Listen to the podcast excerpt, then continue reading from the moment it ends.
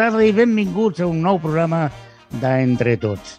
Aquí estem una altra vegada més en el mes de novembre, si és que l'esteu escoltant en directe, perquè hi ha d'altres possibilitats, i és a través de les xarxes, de les nostres xarxes socials, que està l'enllaç d'aquest programa, i també a través de ripolletradio.cat, on podeu escoltar aquest programa i qualsevol altre de l'emissora. Avui tenim un dia gran, perquè tenim... Eh, bueno, anem carregats, anem de xandall, sabeu? Anem amb, amb sabates esportives, amb cadira d'esport també, perquè avui el programa va dedicat, tot i que tocarem altres temes, a l'esport adaptat i per això, i d'entrada aquí tenim a la Carmen Garrido. Carme, bon dia, què tal? Hola, què tal? Aquí estem, preparats. Doncs estem en forma, preparats i tal, que també tenim, que ja ha fet l'escalfament i està al lloc de salida, el Jordi Puig, el tècnic, al qual li donem una abraçada cordial, com sempre. I bé, què us sembla si comencem el programa d'avui, tot i que eh, a mi em fa una mica de mal la cama, potser tindré una mala marca, no? Comencem!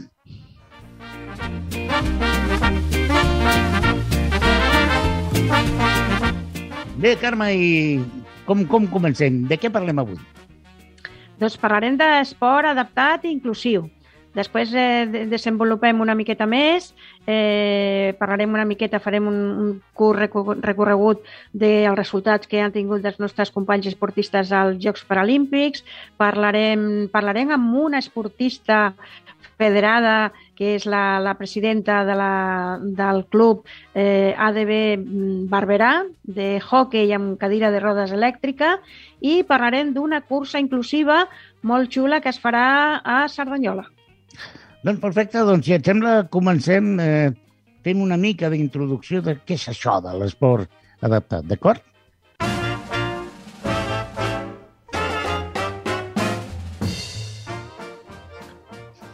Doncs l'esport adaptat és a, a aquesta versió que les persones que patim algun tipus de, de discapacitat el podem practicar eh, en funció de les capacitats, i, mi, i mai millor dit, que tenim cadascú. I des de la nostra entitat, com ho fem? Doncs amb, sempre amb la col·laboració amb la Federació Catalana d'Esport de Persones amb Discapacitat Física i eh, a través d'aquesta federació eh, podem arribar a poder practicar 18 disciplines esportives diferents, tant d'equip com en solitari, com la natació, el tennis, etc, però també el bàsquet, la bòxia, o el hockey eh, en cadira de rodes elèctrica, que és el que parlarem més a profunditat avui. D'acord? Això és l'esport adaptat, però també practiquem l'esport inclusiu. I quina és la diferència? Doncs que l'esport inclusiu, com el seu nom indica, eh, inclou persones amb discapacitat o sense. Vale? Aquí són eh, mixtes i això sobretot ho fem per promocionar i donar a conèixer l'esport adaptat que eh, fa molta falta perquè dona molta visibilitat de la quantitat de coses que podem fer les persones amb discapacitat. I parlant de la quantitat de, de coses i de resultats que, que podem obtenir eh, encara que, que convivim amb una discapacitat. Per exemple, farem un breu recorregut dels, dels Jocs Paralímpics. Ja es, sembla que hagi passat molt, però fa només eh, dos mesos que es van celebrar a Tòquio. I cal dir que l'equip paralímpic mm, espanyol que va participar a aquest joc va treure una collita de ni menys ni menys que 36 medalles, senyors, 36 medalles. 9 d'or, 15 de plata i 12 de bronze, en set esports diferents, en atletisme, en ciclisme, en judo, natació, tennis de mesa, triatló i tiro.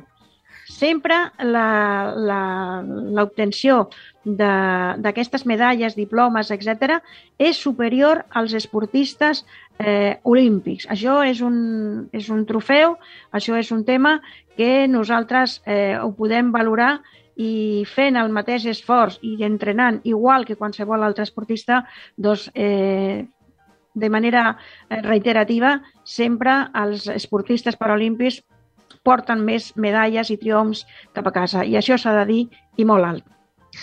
I molt alt, i el que no és equiparable és el, la percepció econòmica que reben uns i altres i la quantitat econòmica d'aquests premis, que és uh -huh. notablement inferior però bé, no ens posem tristos perquè avui parlem a una de les millors porteres espanyoles de hockey en cadira de rodes elèctrica, que a més a més és veïna nostra perquè és de Barberà i que eh, representa un dels clubs més importants a l'estat nacional. Però bé, no sóc jo qui ho ha de dir. Escoltem l'entrevista que li van fer a la Cristina Arroyo. Doncs sí, avui tenim una entrevista que hem pogut fer amb la Cristina Arroyo, la presidenta de ABB, que ens parlarà d'una altra modalitat d'esport adaptat jo crec que poc coneguda, però molt i molt interessant. Eh, bon dia, Cristina, què tal? Hola, bon dia, què tal? Escolta, davant de res, moltes gràcies per atendre la trucada d'entre tots. És per nosaltres un plaer tenir-te aquí. Gràcies, de veritat. No, gràcies a vosaltres. Bé, Cristina, parlem una mica de primer què és la ADB, que és l'Associació de Discapacitats de Barberà, és cert? Sí, correcte. Com va néixer aquesta, aquesta entitat? Doncs, eh, bueno, jo vaig començar l'entitat en l'any 2005, eh, bueno, perquè es va crear l'equip d'hoquei en cadira de rodes elèctrica i, bueno, en un principi vaig començar també com a secretària de l'entitat i, i com a jugadora de l'equip. Vale, fins al 2010, sí, fins al 2010, que bueno, va haver un canvi a la junta directiva i, i bueno, vaig passar directament a ser la, la presidenta perquè bueno, era una persona d'aquí de Barberà, eh, treballo també a la secció d'esports d'aquí de l'Ajuntament de Barberà i bueno, doncs, doncs em va tocar, em va tocar. Escolta, eh, Cristina, tu abans de, de, de fer d'activitat amb l'associació, que ja parlarem, que aquest és el tema, el hockey en cadira de rodes elèctrica, tu abans d'això també fa altres activitats relacionades amb l'esport adaptat, veritat? Quin paper jugues dintre de la federació? bueno, eh, jo a la Federació Espanyola de Persones amb Discapacitat Física, des del mes de setembre, eh, sóc la responsable també de la Comissió de Mujer i Deporte, i bueno, fem una sèrie d'activitats durant l'any eh, doncs, que estan una mica destinades, sobretot una mica a, a aconseguir eh, més participació de, de dones, no només com a esportistes, sinó també en qualsevol àmbit en federatiu, o càrrecs a nivell federatiu, o seleccionadores, o jutges, àrbitres, eh, qualsevol càrrec, ¿vale? perquè sí que detectem doncs, que no sabem tampoc ben bé per què, eh, el tema de la participació de la dona és mm, molt menys elevat que no passa el dels homes. Llavors fem una mena d'activitats, eh, fem vídeos, fem formacions, eh, fem activitats inclusives de... Eh, per exemple, jo vaig gravar un vídeo amb, amb una altra companya també, eh, de la, eh, la Sara, que és una jugadora també del hockey, doncs una mica explicant què, què, què va ser no? l'esport a la nostra vida, també es va gravar un vídeo d'una jugadora de pàdel eh, amb discapacitat i una altra sense, una mica per veure les, les similituds, no? que, que a priori sembla que són ben bé diferents i la realitat no, no és pas aquesta. No? Doncs una mena d'activitats doncs, bueno, per aconseguir una mica això, no? apropar-nos més a, a les dones. Mm. Carme, volies eh, comentar-li alguna cosa a la Cristina? Sí, sí, en, és, és curiós no? que, que la, les dones sempre estem una miqueta en, en minoria en aquest cas i l'esport no és una excepció, tot i que en el col·lectiu de la discapacitat som el 60%. Eh, en la societat som el 50 aproximadament, eh, però en canvi en el col·lectiu de la discapacitat, de la discapacitat som un 60. Uh -huh. uh, en canvi, som poquetes les dones que donen el pas de practicar esport eh, sí.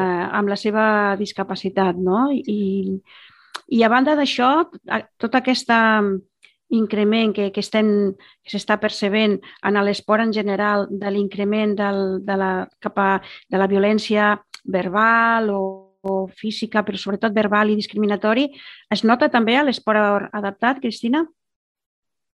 Eh, a nivell de discriminació? Sí, sí.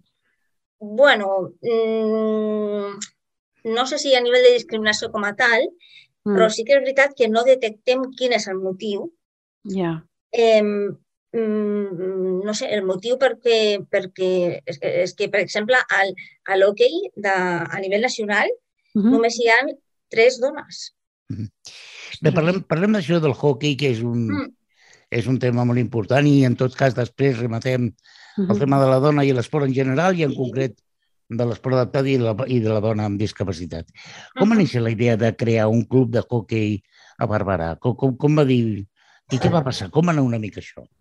Doncs, bueno, jo quan vaig començar ja estava, bueno, estava començant a crear i, i sí que és veritat doncs, que un dia em van parar pel carrer, m'ho van oferir.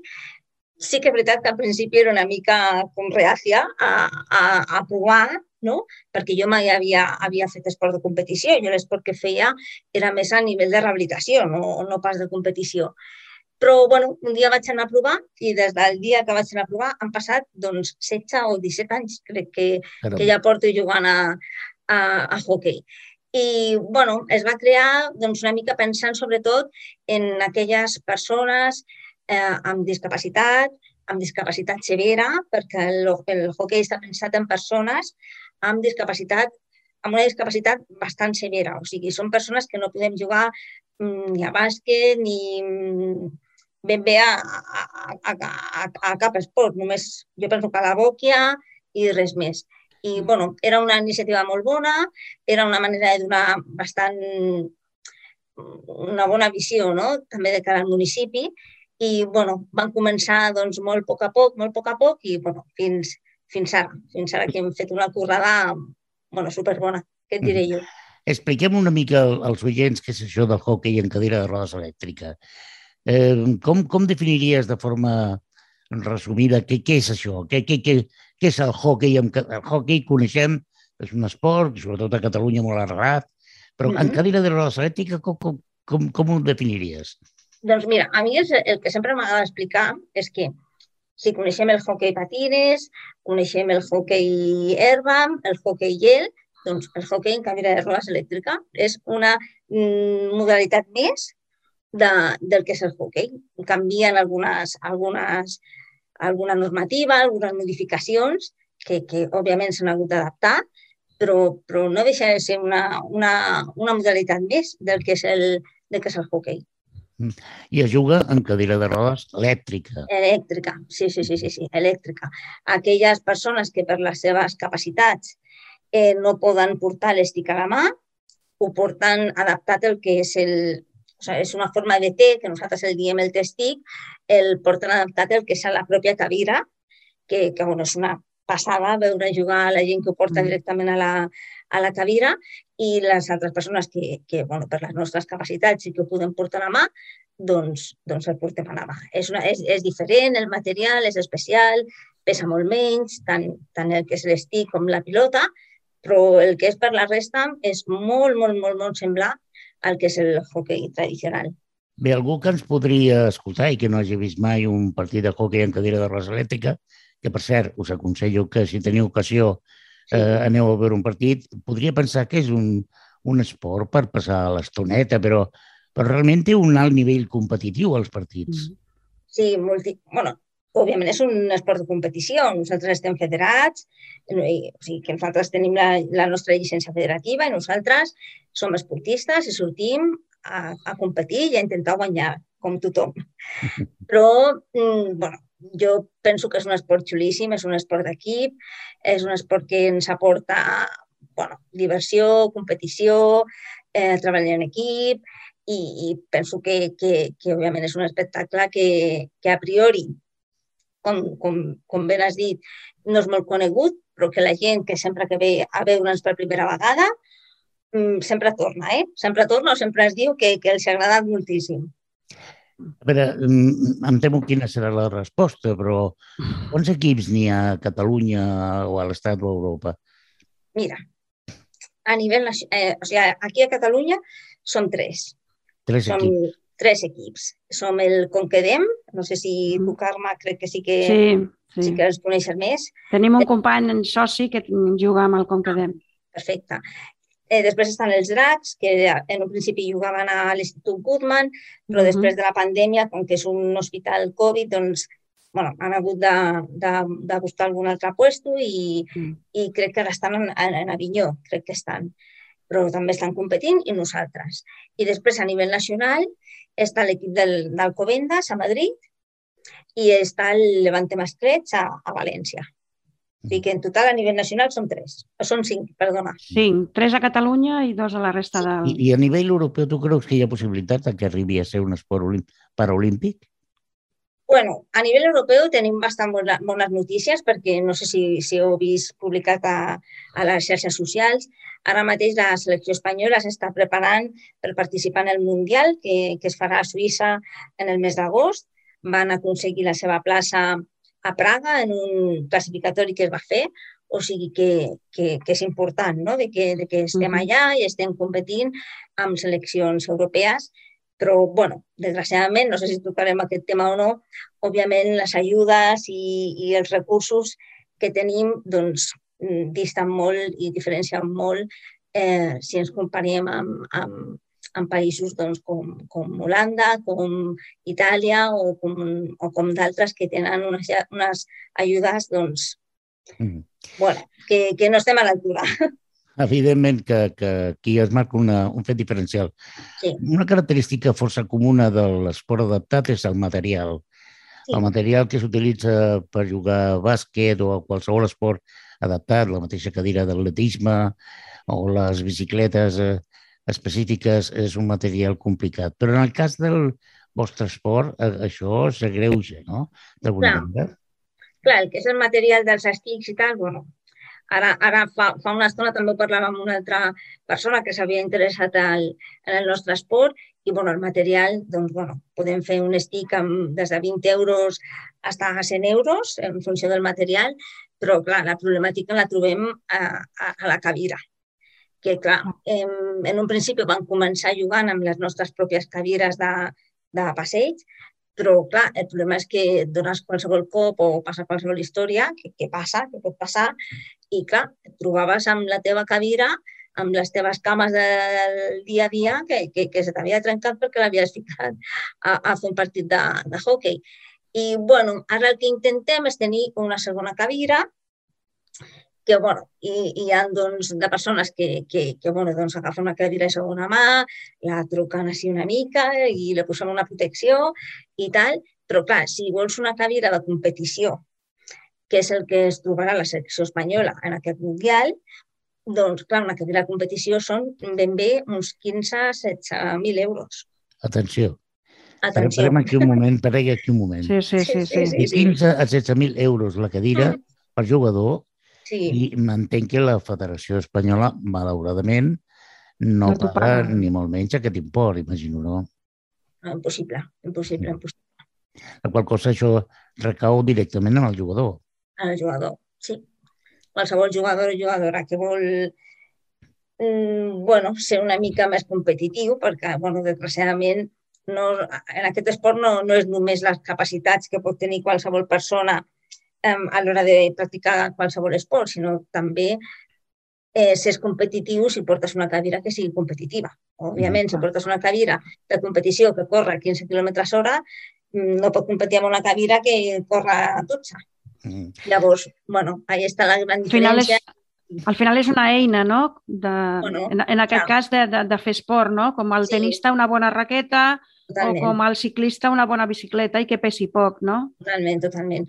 Ah. Ten, tenim la sort de que eh, al Mundial doncs, les persones que, que hi aniran doncs, bueno, han fet un esforç i, i han, bueno, han volgut invertir en, en, en una cadira de competició i, i òbviament, doncs, bueno, Mm, marquen la diferència, està clar, no? Però, clar, desgraciadament hi ha altres persones doncs, que mm, si juguen amb la seva pròpia cadira, o sigui, és el que hem parlat abans, però bueno. I una altra, i una altra dificultat, imagino, que, de la qual molta gent no, no hi cau, mm. però que jo com a... Bueno, jo he practicat esport adaptat no, no com a esportista, sinó com a entrenador i és el tema dels pavellons i els espais on, on es juga aquest esport. És a dir, perquè no tots són accessibles, no? bueno, nosaltres tenim la sort aquí a Barberà que, que tenim unes superinstal·lacions. O sigui, jo crec que, que, que encara que som un municipi de 33.000 habitants, crec que som ara, tenim unes instal·lacions esportives mm, super accessibles i on juguem nosaltres és un pavelló super accessible i no tenim cap problema. Sí que és veritat que, bueno, mm, més que els pavellons, eh, on ve la complicació és sortir a competir I més que les instal·lacions és trobar un puesto d'un hotel, per, per intentar allotjar un equip on, on portem 8 o 9 persones en cadira de rodes, amb grues i, i amb tot el merder que portem nosaltres. O sigui, més que els pavellons en si o les instal·lacions esportives, eh, on trobem més, més complicació és els temes dels hotels i tot això, que encara hem avançat molt, però mm, trobar-me un hotel trobar-me un hotel amb dues habitacions adaptades, ostres, i Cristina, doncs, per, per finalitzar una mica aquesta, aquesta xerrada, quin, quin és el futur del hockey en cadires de rodes elèctriques sota el teu punt de vista? bueno, jo espero i desitjo que, que, que, que la selecció faci un bon paper també al Mundial, que també passa per això, passa de, de poder obtenir una bona classificació i que a nivell europeu o a nivell mundial puguem estar allí. Però, bueno, a nivell nacional nosaltres hem de continuar treballant molt, hem de, mm, bueno, hem d'intentar recaptar a més, a més, a més persones de que s'animin i que practiquin l'esport, que encara crec que hi ha bastant, bastants persones, dones i homes, nois i noies, que, que encara, bueno, no sé si ells o la família, encara són una mica reacis a vegades a, a, a practicar l'esport. No? I com us he dit abans, l'esport, eh, concretament el hockey, és un esport per a persones amb, amb, amb discapacitat molt severes que necessitem d'aquesta ajuda d'aquesta tercera persona. O sigui, que no només és la intenció que tingui el jugador o jugadora, sinó també hem de tenir eh, l'acompanyament d'aquesta tercera persona, ja sigui una persona assistent o, o un familiar o el que sigui. Llavors, bueno, hem de, hem de continuar treballant, hem de fer molta difusió, hem d'intentar aconseguir moltes més ajudes i bueno, jo crec que amb la il·lusió que tenim molts que portem ja moltíssim de temps en aquest, en aquest esport, jo crec que, que bueno, es farà una molt bona feina. Doncs, Cristina, escolta, per últim, si algú que ens està escoltant, això. O, o jo mateix, que m'estic animant, eh? Eh, sí, sí, que passa que encara som molt jove i no... si algú que ens està escoltant vol eh, ja no només eh, anar a veure un partit que, escolta, i jo us ho recomano, mm. sinó que, a més a més, si em permets una reflexió personal, penso que és un esport eh, eh que, que la, el, el tema gènere, eh, tornant una mica al principi, no té sentit, és dir, és un equip, és un, són equips mixtes, que edats diverses, mm. i on l'important és la participació. I repeteixo, amb un altíssim nivell competitiu. Que ningú sí. pensi que anem allà a donar voltetes amb la cadira. No, no, doncs, escolta, si algú ja té interès en... en, en a veure, m'agradaria provar, què ha de fer? Eh, com, com ens posem en contacte amb tu? Doncs, bueno, si, si òbviament jo he de tirar cap a casa meva, o sigui que a mi ah, m'agradaria, m'estimaria moltíssim que vinguessin a l'ADB, però òbviament la intenció és que qualsevol persona que ens escolti, ah, que, ah. que no només pugui venir a l'ADB, sinó als altres equips que també hem, hem comentat, o sigui que en un principi si vol posar... O amb nosaltres mateixos que portem anys treballant per promocionar i, i poder constituir un equip, però la veritat és que costa molt. Endavant, Clar, o sigui, endavant, continua. La clau seria mmm, que, surte, que, que puguin sortir més equips. Aquesta seria ah, la, la, per això, la, per això. la clau la clau. Òbviament jo puc augmentar el meu equip, però, però l'interès comú seria de que poguessin sortir més equips. Però, però bueno, que, que, que si estan interessats, doncs, o bé a través de les xarxes socials de, de l'ADB o a través de la Federació Catalana o a través vostre també ens podeu, es poden posar en contacte també directament amb nosaltres, o sigui que el que estigui interessat, sobretot, que s'animi i que provi, que provi, Quines són les properes dates que competiu, per exemple, aquí a nivell territorial, per si algú s'anima i es vol venir a veure? Doncs mira, concretament el dia 27 de novembre juguem, sí? la, la, juguem la Supercopa Malgrat, que la juguem eh, nosaltres contra els dracs, eh, eh, els que abans jugaven a Goodman. Eh, uh -huh. o sigui, és la primera competició que tenim i després ja, a partir del mes de gener, comencem la Lliga Catalana, que, que també bueno, es penjaran tots els partits i, si algú està interessat en, en, en venir, doncs nosaltres encantats i encantades. Doncs, Cristina, són... moltíssim... Espera, li volia preguntar només, quins beneficis trobes de, de, de practicar esport amb una severa discapacitat? Doncs... Quina és la eh, diferència? Eh, bueno, jo mm, penso que el hockey, a part de, de, del que és a nivell esportiu, que pot, fer, pot ser algú físic, òbviament, eh, és el que aporta a nivell emocional i a nivell social i, i tot. És que comparteixes amb persones amb problemàtiques molt, molt semblants a la teva. O sigui, mm, a part de l'esport i a part de la competició, el que tenim, a part de tot això, crec que a vegades pesa molt més que no, que no pas el tema competitiu, que òbviament és important estem aquí per això, però penso que el tema social és, és força important també. Doncs Cristina, escolta, moltíssimes gràcies. Cristina Arroyo, presidenta de l'ADB, Associació de Discapacitats de Barberà, però sobretot, i això no ho hem parlat, una enorme portera de hockey sobre cadira de rodes, galardonada en diferents trofeus, i l'únic que vull dir-te abans d'acomiadar l'entrevista és que Ripollet Ràdio i el programa Entre Tots està a la teva disposició i et pregaria que ens mantinguis informats dels resultats de les, dels partits perquè farem ressò d'aquesta mm. activitat i sí. no descartem la possibilitat d'algun dia anar cap allà i fer una gravació d'un entrenament i Home, parlar amb els jugadors i jugadores sí, sí, del vostre sí, sí. esport. Superbé, nosaltres estaríem encantats eh, de, de, que, de que passeu pel pavelló de Maria Reverter a Barberà del Vallès o sigui que és casa vostra, o sigui, quan vulgueu allà estarem. Ho farem, Cristina, i nosaltres Gràcies. continuem, nosaltres continuem aquí en l'Entre Tots a Ripollet Ràdio.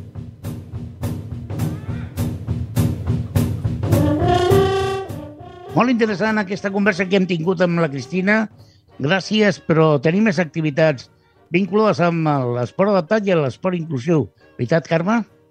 Doncs sí, tenim novetats i, i aquí a la vora, eh? aquí a costat de casa, eh, són el proper 14 de novembre, dintre del marc de les festes de Sant Martí a Cerdanyola, doncs eh, acollirà eh, la primera cursa inclusiva per infants i joves de 0 a 25 anys que poden participar. Eh, expliquem una miqueta. El CIM, que és el projecte, eh, el projecte i el sindicat de mares en, en la de persones amb discapacitat, porten la primera cursa inclusiva infantil i juvenil a Cerdanyola del Vallès. Aquesta associació esportiva, projecte inclusiu CIM i el Sindicat de Mares amb Infants amb Discapacitat han organitzat aquesta primera cursa eh, adaptada dins del marc d'aquestes festes de la tardor de Sant Martí. Allò tindrà lloc, tindrà espai el 14 14 de novembre, com hem dit, entre les 10 i les 14 hores a l'Avinguda Canaletes amb el carrer Gatós. L'activitat és gratuïta i convida a tothom a participar, com hem dit, entre 0 i 25 anys. El que vol eh, aquesta cursa és donar visibilitat a la infància amb discapacitat, que sembla que són poquets, però són molta canalla i moltes famílies les que es veuen afectades i la veritat és que s'està donant molt de ressò en, aquesta, en aquest tipus de curses. La iniciativa va néixer de la complementació de dues entitats que comparteixen l'objectiu per possibilitar a totes les persones, sigui quina sigui la seva discapacitat, l'accés a l'espai d'esports i d'oci. S'han tingut eh, com a punt de referència la primera cursa infantil adaptada que es va celebrar a altres poblacions.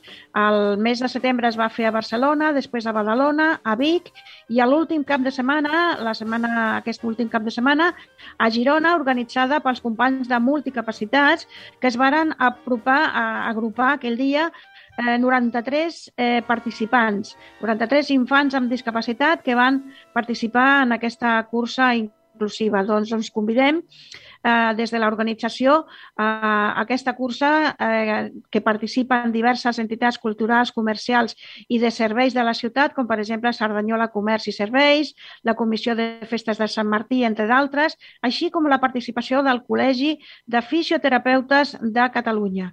O sigui que molts ànims, apunteu-vos per fer la inscripció, que s'ha de fer inscripció, podeu entrar a la nostra pàgina web, posarem l'enllaç perquè s'ha d'omplir un formulari on trobareu tota la informació eh, i entrant a la nostra web, que és entretots.org, trobareu aquest enllaç per fer i omplir el, el formulari corresponent.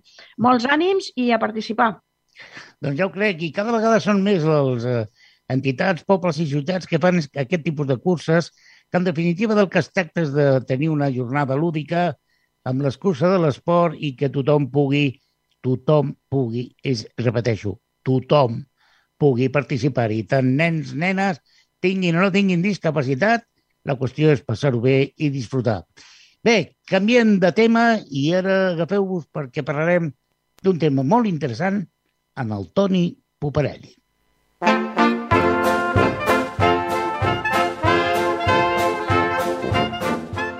Molt bé, Toni, bon dia, què tal? Hola, bon dia, Alberto. De què ens parles avui? Eh, D'un tema que pot semblar de, sempre el tema econòmic envers el món de la discapacitat és molt ampli, però afecta totes les capes, igual que, que, les, que les persones sense discapacitat o que no tenen, que tenen altres capacitats. Doncs eh, avui parlem de, de persones amb discapacitat i pensions, les pensions. Eh, donarem una mica de dades, d'informació i de la situació com està. Ja podem imaginar no, el tema a veure, eh, segons l'INE del 2019, a Espanya n'hi ha 1.877.000 persones amb discapacitat, que equival al 6,2% de la població total. La tassa d'activitat o d'empleo d'aquestes de, persones, la tassa d'empleo és del 26% sobre el total de, de persones empleades, quan eh, en el, les persones sense discapacitat és del 67%. Imaginem quina diferència.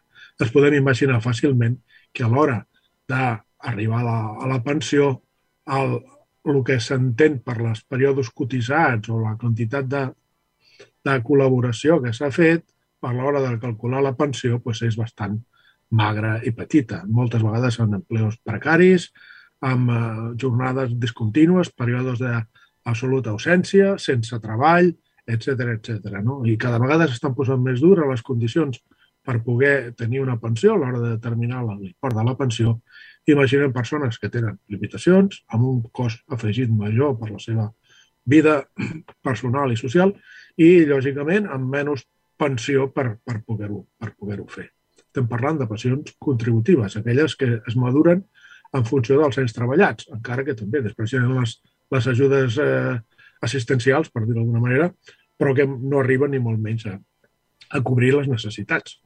Eh, dintre d'això, eh, hem, de, hem de pensar que alguns drets ja s'han anat recuperant, drets de les persones amb discapacitat que mica en mica es van fent coses, com ara, per exemple, recentment la, la llei que, que el recull una, un dicta, una, una norma com és la, la Convenció Internacional dels Drets de les Persones amb Discapacitat i d'ella ens ha parlat i continuarà parlant la nostra companya la Sole, que van ser, per exemple, les que van posar fi a la incapacitació judicial de les persones amb discapacitat, que això era un gran, és una gran fita perquè dona autonomia a la persona per poder decidir sobre les seves coses en totes les ajudes que pugui, que pugui tenir el menester. També es va fer efectiu, i inclús en algunes eleccions recentes d'aquest any, de l'any passat, que era el dret de les persones, el dret a vot a, la, a les eleccions, no que perquè hi hagi una, una dictaminació d'incapacitat judicial, aquesta persona no té dret a poder donar el seu vot a qui cregui convenient, en l'assistència, lògicament, lògicament que calgui.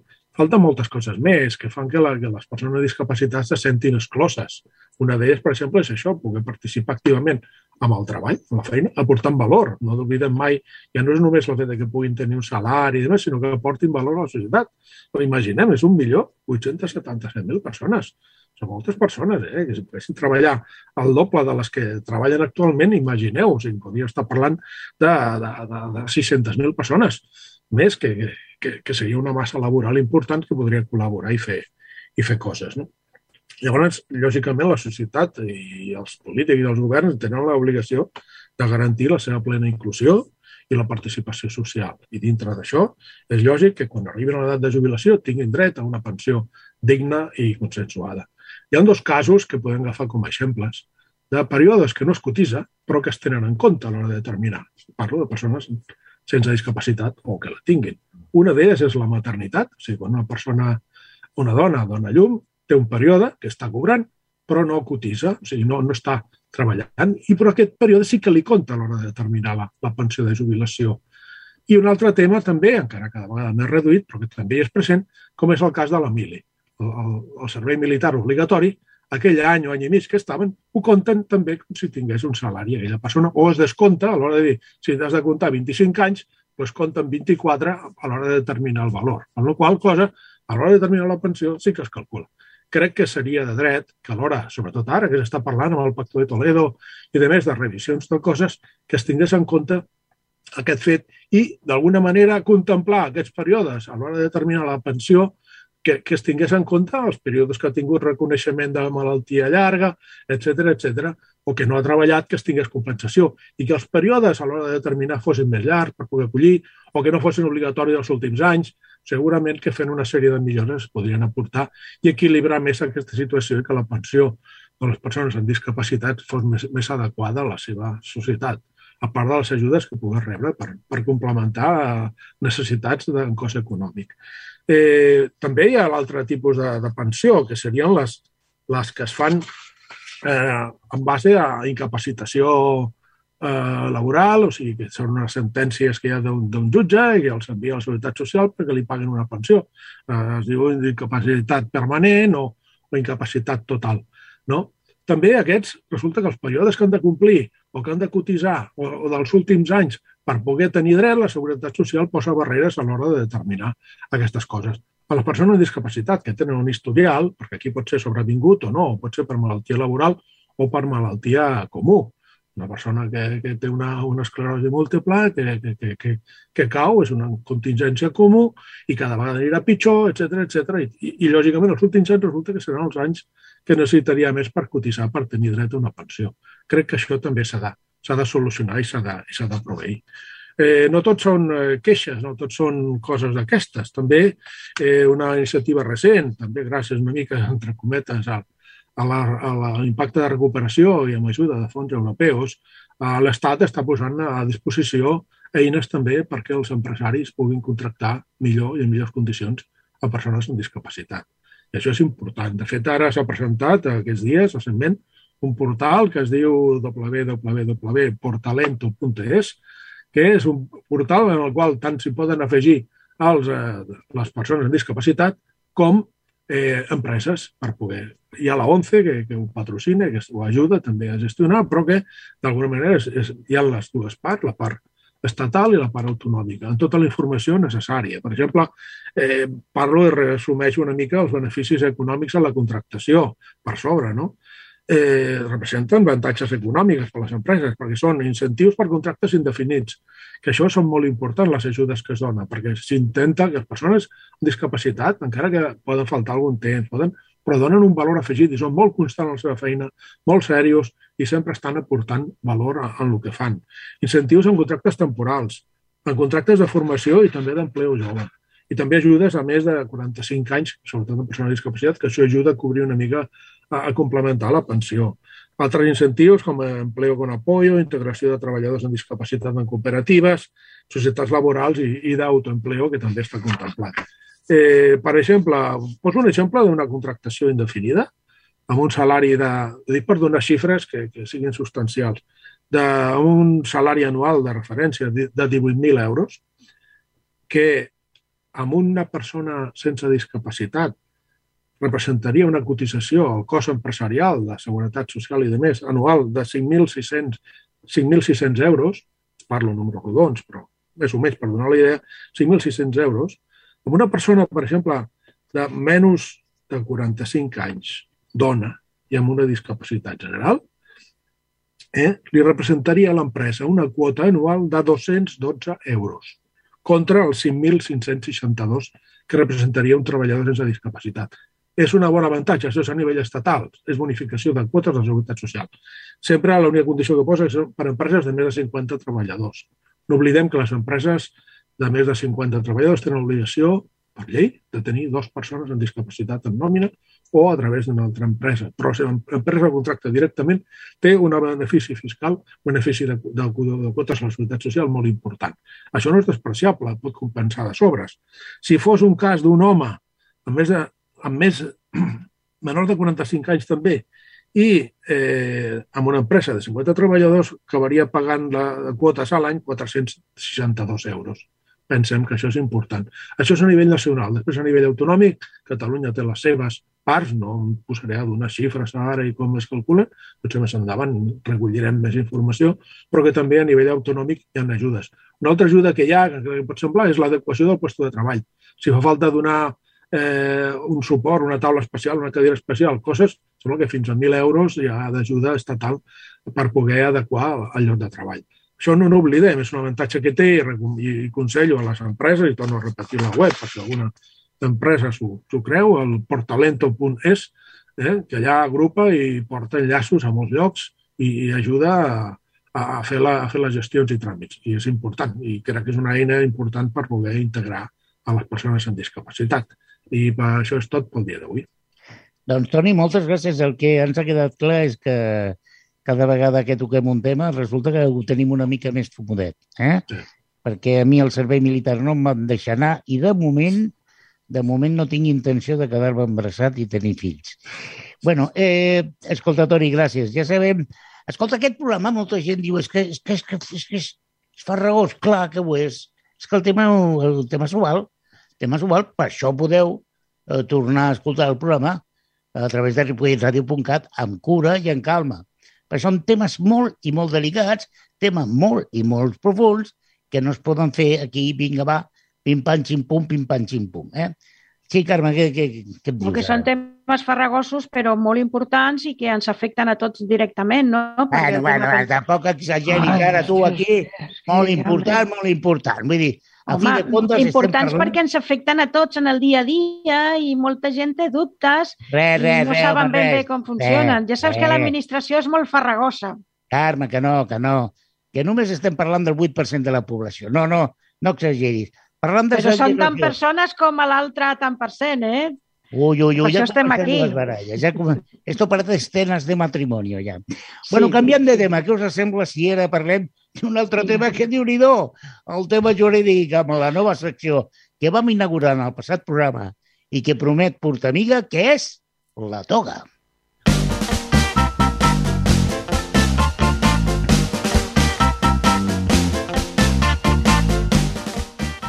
A ver, a ver, a ver, a ver, a ver, a ver. Ay, Dios mío. Sole Martín, que la tenemos, eh, eh, la hemos expulsado del colegio y la tenemos en un sitio idílico y maravilloso, las- la- el Levante. ¿Qué tal, Sole? ¿Cómo estamos? Hola, bon dia a. Pues muy Bien. bien, aquí, escuchando. Muy bien. eh, ¿Estás preparada para lo que se lleva? Porque hoy te advierto que te vamos a someter a un tercer grado. Tú sabes. No, yo no estoy nunca preparada, pero me lanzo. Muy bien. Pues escuchamos una pequeña rafaguita musical y entramos a de huello con la toga. I sin més dilació donem la paraula a la nostra jurista experta, la Sole, que ens comentarà temes relacionats amb el món vinculat amb legislatiu. Sole, ¿de qué nos vas a hablar hoy? ¿Qué, qué vas a hacer hoy? Hola, pues vamos a seguir con la Ley 8-2021 para el apoyo de las personas con discapacidad. Y hoy me voy a centrar en contestar pues, algunas eh, afirmaciones que están la gente diciendo y que son bastante graves, la verdad. Eh, hay gente que va diciendo cosas tipo que ahora las personas con discapacidad pues ya pueden hacer lo que les dé la gana, que pueden tener un tirano en su casa y que toca aguantarlo, hacer todo lo que quiera.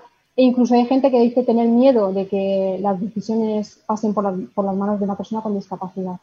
Y bueno, yo creo que creer o tratar a las personas con discapacidad a priori como si fueran delincuentes, dando por hecho que sus decisiones siempre serán tenidas en cuenta y que siempre serán malas, esa es una apreciación muy grave, que atenta la dignidad de las personas con discapacidad y que justifica la ley, la verdad. Y bueno, quería decir, para aclararlo un poquito, que pronunciar no es decidir, que la capacidad de decidir lleva un estudio exhaustivo sobre si lo que se pronuncia, lo que se dice, lo que dice esa persona, obedece a una voluntad formada, razonada, que esté motivada, que tenga los requisitos que tiene que tener una decisión. Así que el tema es analizar las palabras que dice esta persona con discapacidad para ver si están envueltas en eso que se llama, ¿no? que decimos todos, una decisión cabal. Y es verdaderamente importante porque eso depende pues, que te operen o no, que hagas testamento o no, o que saques dinero del banco o no, dependen pues, cosas vitales. Y por eso, repito, se realiza un estudio exhaustivo y esa sería la primera limitación a los deseos, voluntad y preferencias de las personas con discapacidad. La segunda sería una que todos deberíamos pensar y que es elemental, es la ley. Las personas con discapacidad no se pueden saltar la ley, al igual que el resto de ciudadanos. Por lo tanto, si una persona con discapacidad quiere, le gustan los coches y quiere coger uno que está en la calle, pues no se le va a permitir porque evidentemente es robar y, es, y salta la ley. Ahí tenemos el segundo. Y el tercero, pues, por supuesto, no causar un perjuicio inaceptable a tercero. Eso, y hay que tener mucho cuidado con esas afirmaciones que hacemos, porque no siempre se va a asumir obligatoriamente la voluntad de la persona con discapacidad. Hay limitaciones. Pero sí que es verdad que estas limitaciones exclusivamente se establecen de una manera excepcional, igual que con relación a las demás personas. Muy bien, y, pero, pero ¿qué pasa si el juez, el notario no cumple la ley, que de esto en nuestro sector viene siendo frecuente? Sí, por desgracia es muy frecuente. Pues vamos a ver, esto es un procedimiento que impone. Impone a los operadores jurídicos, como bien dice, fiscales, abogados, jueces, notarios, lo que la reforma dice es que hay que desjudicializar y que como figura de apoyo, en caso necesario, refiere la figura del guardador de hecho, o sea, un familiar que no está nombrado judicialmente, pero que es quien normalmente en su devenir diario atiende a la persona con discapacidad en su casa, como cualquiera de nosotros que tenemos personas que nos echan un cable y que echamos un cable, ¿no? Cuando la persona con discapacidad tenga que realizar un acto relevante, será cuando ese guardador de hecho pide una autorización al juzgado para este acto concreto. Y el, juzgado, esto es muy importante, de forma sumaria y preferente dará autorización para este acto concreto. Y punto. La persona con discapacidad ya no queda vinculada de por vida al juzgado. Y ahí está la cuestión para poder contestar a tu pregunta, Albert. Pues. Eh, no, que la ley prefiere los apoyos voluntarios. Te lo digo porque esto no es cuestión de van a incumplir o no, va un poquito más allá. La ley prefiere los apoyos voluntarios. Por ejemplo, lo ideal sería que ahora todo el mundo que nos está oyendo, yo misma, eh, con capacidad de decisión, se tenga discapacidad o no, con la previsión de poder perder esa, esa, capacidad de decisión, vayamos al notario y hagamos tres documentos.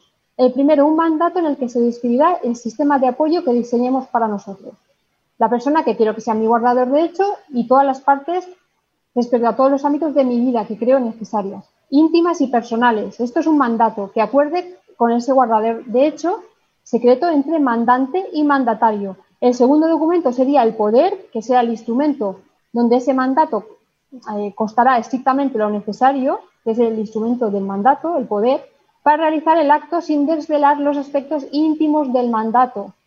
¿Vale? El poder. Y el tercer documento sería el testamento. Con eso nos evitaríamos todos en un futuro ir a juzgado, porque en caso de perder la capacidad de decidir ya tendríamos tenido un sistema de apoyo. Pero tampoco responde a tu pregunta. Y aquí ya sí viene la contestación final. Si los operadores jurídicos optan por cambiar la figura del tutor siempre con la curatela representativa en cada caso, sin valorar la diferente capacidad de decisión de la persona con discapacidad de cada una de ellas, estará utilizando el procedimiento de la ley de forma restrictiva, porque la persona con discapacidad continuará judicializada. El curador responsable, sujeto a revisión, es la figura más parecida al tutor y es la que la ley prevé para casos muy, muy excepcionales, si se concede en todo caso a todo el mundo, el sistema pierde la finalidad de proteger la dignidad de la persona con discapacidad, no atendiendo en ningún caso en los que con otra clase de apoyo, por ejemplo, pues sería posible cumplir los deseos, voluntad y las preferencias de la persona. Además, también existe la figura del guardador responsable. Antes de llegar a la curatela representativa, hay muchos apoyos.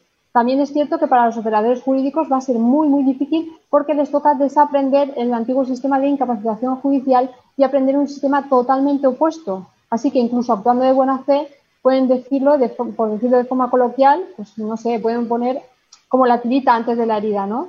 Aunque me consta que están haciendo un esfuerzo enorme y por su parte están informándose y dedicando muchísimo tiempo a este dignificante tema. El peligro es utilizar la forma más restrictiva siempre. Eso haría que no se cumpliera la ley, pero no se puede incumplir. Pues muy bien, Sole, pues muchísimas gracias. Eh, és un tema complejo, nos consta que sí. Eh, fem res, una, un glopet d'aigua i continuem.